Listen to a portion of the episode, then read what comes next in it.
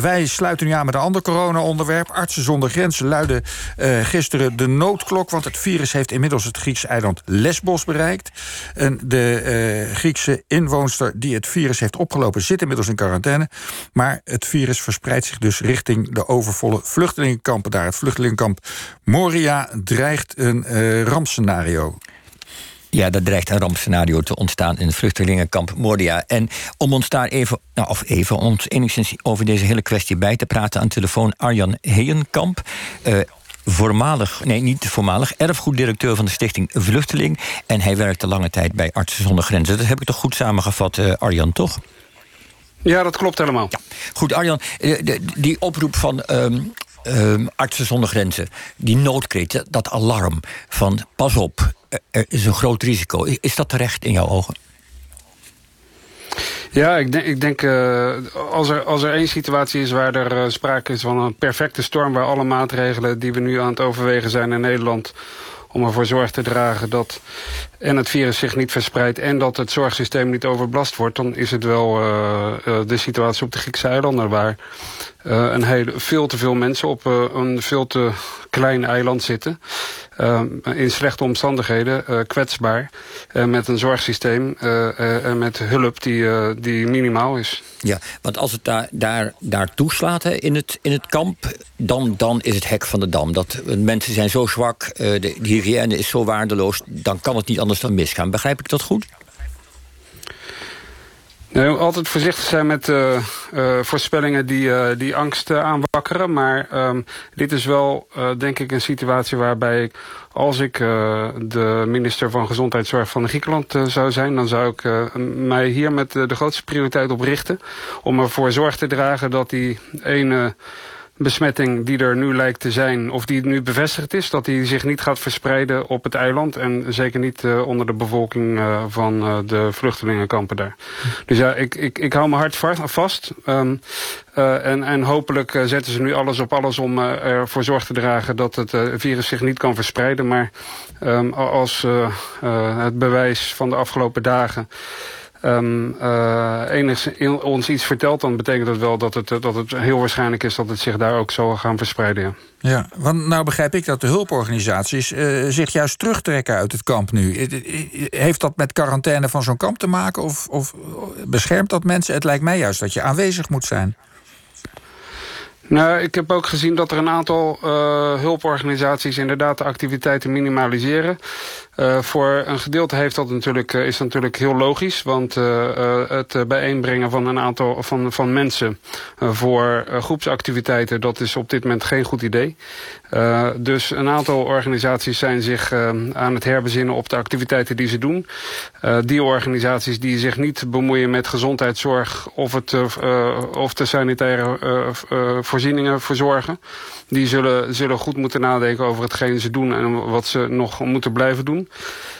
En er zullen ook niet alle organisaties zullen dezelfde capaciteit hebben om zichzelf uh, goed um, uh, te beschermen en hun mensen goed te beschermen. Daarnaast is het zo dat uh, de afgelopen weken er sowieso al behoorlijk wat spanningen waren op de eilanden. En de hulporganisaties werden, um, werden soms, in, in, sommige gevallen, werden aangevallen ja. en werden geïntimideerd. Ja. En dus betekent het nu inderdaad dat we een situatie zien waarbij zowel de risico's veel groter worden, maar ook de capaciteit om te helpen wordt, danig wordt verminderd. Ja, nu heb jij lang bij Artsen zonder Grenzen gewerkt, hè? ook in gebieden in de wereld waar, waar ja, toch ook vergelijkbaar gaat misschien te ver... maar waar ook verschrikkelijke dingen gebeurden. Epidemieën op, op, uh, bij groepen vluchtelingen plaatsvonden. Uh, wat doet dat met een groep vluchtelingen uh, als er een epidemie uitbreekt? Wat, wat, wat, wat, wat doet dat met mensen? Kun je daar voorbeelden van geven uit je praktijk? Nou, dit, dit, dit, is wel een hele uitzonderlijke omstandigheid. De meeste uh, situatie die ik ken uit mijn eigen verleden... Uh, was het zo dat um, uh, of er een bepaalde natuurlijke weerstand was tegen een, uit, tegen een uitbraak van meningitis of mazelen. Of dat er um, middelen waren om te interveneren, zoals vaccineren of behandelingen. Uh, en, en meestal dat het ook lokaal was. Dus dat er, dat er één, één locatie werd, werd beïnvloed, maar het buurland bijvoorbeeld niet. En dus je kon putten uit capaciteiten en uit, uit mensen en uit spullen die je alles nog kon betrekken. En is hier dus die, in, in, niet het geval.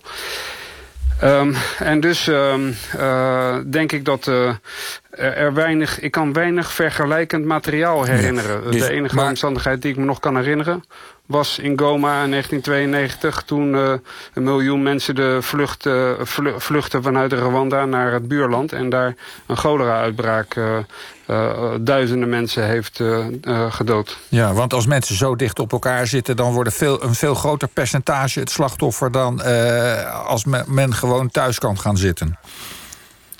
Nou, wat we hier doen, uh, namelijk social distancing of afstand houden van elkaar, dat is daar onmogelijk. Zeker op de eilanden in Griekenland. En dus betekent dat dat uh, de, het virus kan zich makkelijker verspreiden. En zal waarschijnlijk, hier zijn de schattingen van de minister, dat er ongeveer 50% van Nederlanders uh, besmet zullen worden. ik vermoed dat dat aantal, dat percentage hoger zal zijn op de eilanden. Dus dat betekent in absolute zin sneller verspreid en meer mensen die geïnfecteerd zullen worden. En dat betekent dus ook meer mensen ziek en meer mensen die zorgen moeten, eh, die beroep doen op het zorgsysteem, wat ja. uh, daar ja. weinig voorhanden ja. is. Nou, nou, zou je zeggen, kunnen we iets doen preventief uh, als je aan dat kamp Moria denkt? Je zou zeggen, wellicht evacueren om een ramp te voorkomen, maar het lijkt er niet op dat dat gaat gebeuren. Waarom niet? Nou, dat is natuurlijk. Uh, dat heeft veel met politiek te maken. Uh, er zijn al um, afspraken gemaakt over het overnemen van mensen vanuit de Griekse eilanden naar de rest van Europa. daar is heel weinig van gekomen. Um, in de, en, en dus de, het politieke en, en, maatschappelijke draagvlak voor het overnemen van vluchtelingen en migranten vanuit Griekenland is heel erg beperkt. En daar komt nu bovenop nog dat er praktische reismaatregelen zijn die nog verder beperkend zullen werken. dus ik kan me niet voorstellen dat dat de meest verstandige maatregel nu zou zijn. één, zoveel mogelijk pre preventie doen, aan preventie doen, zodat de uitbraak zich niet kan verspreiden op de eilanden. Maar ten tweede, en, uh, ook mensen daar, zo me de meest kwetsbaren, in ieder geval daar rap vandaan halen. Zodat ze ehm, elders ehm, verzorgd kunnen worden. Ja, maar... en drie, het gezondheidszorgsysteem daar ondersteunen. Ja, en, maar als we even één slag verder gaan dan de, praktische dingen. Hè? Dus ik, ik stel me zo voor dat, stel je voor dat een overheid, de Griekse overheid zou zeggen... we moeten die mensen evacueren naar de rest van Europa. Dan, dan vrees ik toch dat de rest van Europa een soort bijna Pavlov-reactie hebben. Ja, maar we moeten die mensen hier niet hebben, want dat zijn vreemdelingen, vluchtelingen en die brengen enge ziektes met zich mee.